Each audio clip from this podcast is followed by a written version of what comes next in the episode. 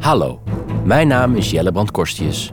Begin dit jaar maakte ik de documentaire serie De Bergen Achter Sochi, waarin ik u meenam naar de Caucasus. Ook schreef ik het Boekenweek-essay, dat zo populair bleek dat het midden in de Boekenweek herdrukt werd. Dat was voor het eerst.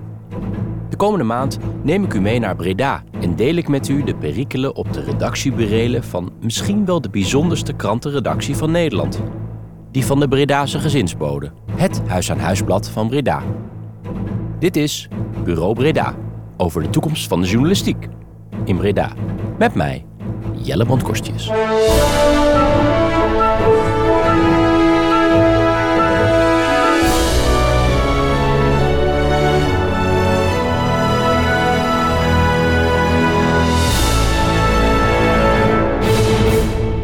In een poging om haar redactieleden beter te leren kennen, pikt hoofdredacteur Lotte op weg naar de redactie Jason op. Hij krijgt een lift achter op haar OV-fiets. Sajos Olé Intens Bruinzwart 4. Wat zeg je? L'Oreal Excellence 5.5 licht. Kanye Olia 8.0. Oeh, dat is een mooie. Wat ben je aan het doen? Ik hou mezelf scherp door de verschillende haarverf van de mensen te identificeren. Hebben de Color en Carebrick. Herbert Tint licht kopen, dat is een pruik. Dat is niet normaal, dat weet je. hè? Ik ben professioneel kapper. Oké, we zijn er. Jason, pak een schep. Volg mij, snel. Maandagochtend. Er is consternatie op de redactie van de gezinsbode. Hier, kom dan. Hier, hier. Hey, hey. Jelle Brandkostius. Jelle Brandkostius. Jelle Brandkostius. Links, ik zet links, links. Ik zet toch links? Ja, ik had hem bijna. Wat is hier precies aan de hand? We hebben een muis op de redactie. We hebben hem Jelle Brand Korstius genoemd. Niets persoonlijks.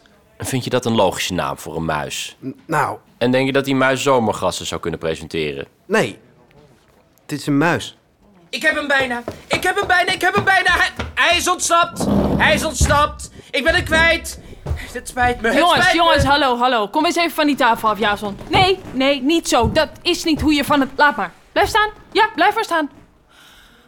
Oké, goed. Eh, zo direct. Komt er iemand van de gemeente? Nee, niet jouw vrouw, Miel. Ha, gelukkig maar.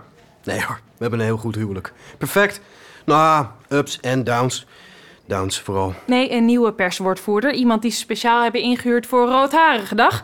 Komt weer aan, dus ik ga haar zo interviewen in het hok. Mijn kantoor. Het is nu het hok. Je kan wel al mijn posters weghalen, maar het blijft mijn kantoor. Che Guevara was een moordenaar en een verrader van het communisme en ik weiger zijn gezicht op mijn muur te hebben, Miel. En we hebben geen individuele kantoren meer op de redactie. Flexwerken.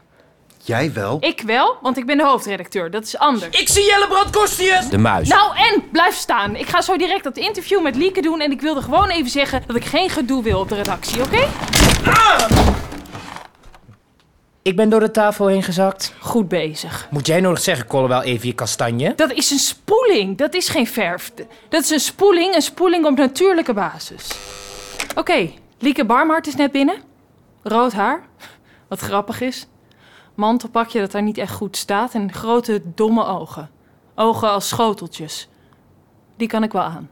Roodharigendag is een eeuwenoude Bredase traditie. Maar niet iedereen ziet er de charme van in. Redactie stagiair Jason Roodhagendag is de raarste Bredase traditie ooit. Eén keer per jaar komen alle roodhagen van de wereld of zo naar Breda om rond te lopen en met elkaar op de foto te gaan en te praten over geheime roodhagen dingen die alleen roodhagen begrijpen en lekker samen oordelen over mensen die hun haar rood verven. Voor geverfden hebben ze geen enkel geduld. Overal waar je komt hebben ze rood haar. Het station, café De Vulling, de bibliotheek, overal de V&D. Het is een soort nachtmerrie, maar, maar dan zonder dat je kan vliegen. Ik kan altijd vliegen in mijn dromen. Lotte neemt perswoordvoerster Lieke Barmart mee naar de ruimte die voorheen bekend stond als Miels kantoor. Voor een interview. Wat een mooie poster. Dat vind ik nou echt leuk. Een mooie poster aan de muur. Ja, ik heb deze poster al jaren, maar ik heb hem pas net hier kunnen ophangen. Het is Bono, een zanger. Oh ja, ja dat is waar ook. Ja, ik ben zo slecht met gezichten. Het is nogal een held van me. Hij, hij maakt muziek. Ach, Ah, ik kan huilen op commando als ik alleen al aan de muziek van U2 denk. Van ontroering en eenzaamheid, maar vooral van ontroering. Oh, wauw. Jeetje. Goh. Wil jij koffie of thee? Ja, ja heel, heel graag. Welke van de twee? Oh, ik, ik ben zo dom. Doe maar thee. Nee, nee, koffie. Nee, thee. Ja, ik lust helemaal geen koffie. Gekke meid. Nee, ik heb een idee. We bouwen een soort van. eh, we pakken een, een snijmes. We moeten hem lokken met kaas. Ja, Ik denk persoonlijk... pindakaas. Ik denk persoonlijk blokjeskaas. Op het moment dat hij door dat gat heen gaat, Mhm. ja, raakt hij een soort van gevoelig touwtje. We pakken een schep ja, en we rachen gewoon die hele muren ervan af. Oké, we hebben een prullenbak. Als we nou een deel van dit bureau afzagen, dan maken we er een soort wipwap van met de prullenbak als kooi aan het eind. En als we dan hier de kaas neerleggen. Ik heb het idee dat we te moeilijk denken. Nee, nee, nee, nee, nee! Ik heb dit een keer bij Tom en Jerry gezien. Hellebrand Kostius, daar gaat hij, daar gaat hij! Het gaat nu over de muizen. Hé, hey, Lotte! Hoe is die woordvoerster? Ik ben even muizenval aan het bouwen. Ze is dommer dan een plank hout. Begrijp me niet verkeerd hoor. Ik ben heel feministisch, maar dit soort vrouwen verpest het voor iedereen. Ze wist niet wie Bono was. Wie is Bono? Ja, precies. Nee, s- serieus, wie is Bono? Dom als een plank hout dus. En ik denk dat we over een half uurtje wel klaar zijn.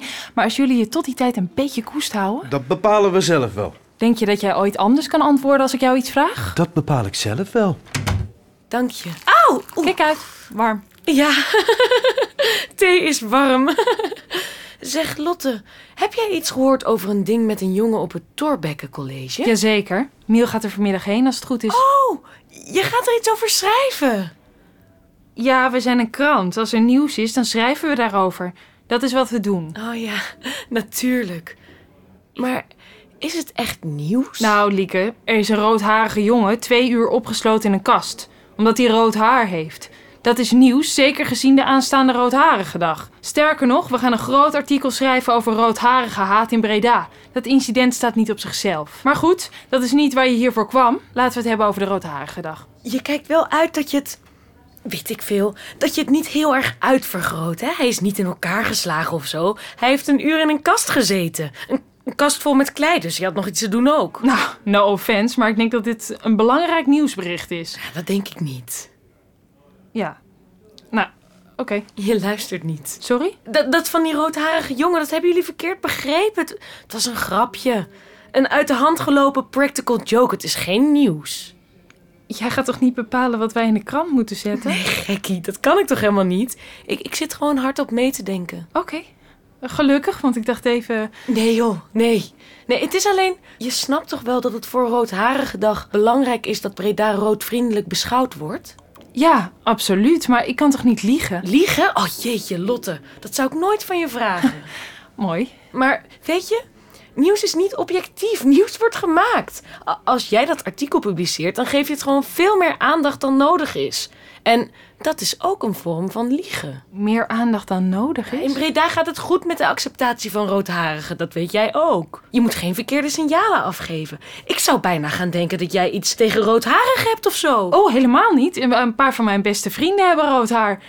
Nou, eentje. Nou, geverfd. dat is niet hetzelfde. Nee, eh, oké. Geverfd haar is een doodzonde. Zullen we aan het interview beginnen? Even iets anders. Gewoon een vraagje waar ik mee in mijn hoofd zat. Zijn jullie blij dat jullie de exclusieve mediapartner van de Roodharige Dag zijn? heel blij. Oh, fijn.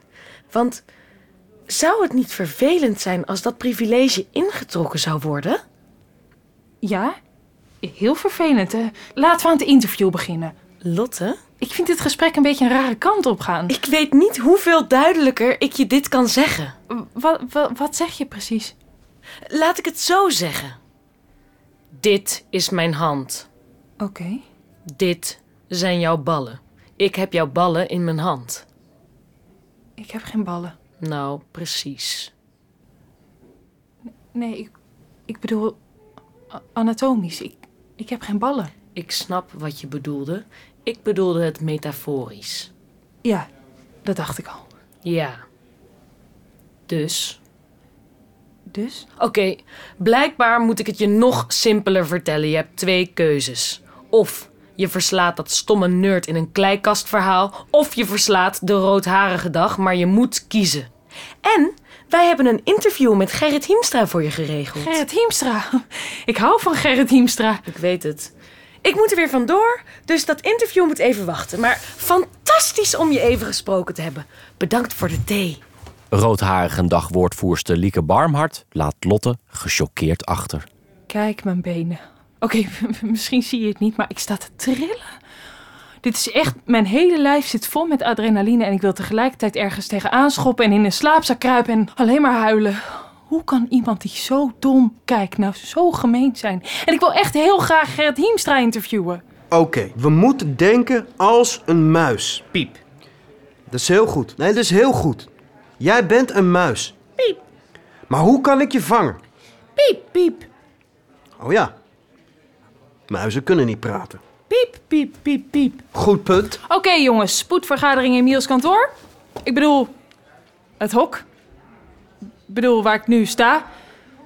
Ja, ik bedoel dat jullie deze kant op moeten komen. Als Lotte de situatie eenmaal heeft uitgelegd, zijn de meningen verdeeld. Ik vind dat we iemand in moeten huren om haar te vermoorden. Kan heel makkelijk op internet. We gaan dat artikel toch gewoon plaatsen? Niemand vertelt ons toch wat we moeten doen? Ik weet het niet, Miel. Advertenties zijn onze belangrijkste inkomstenbron.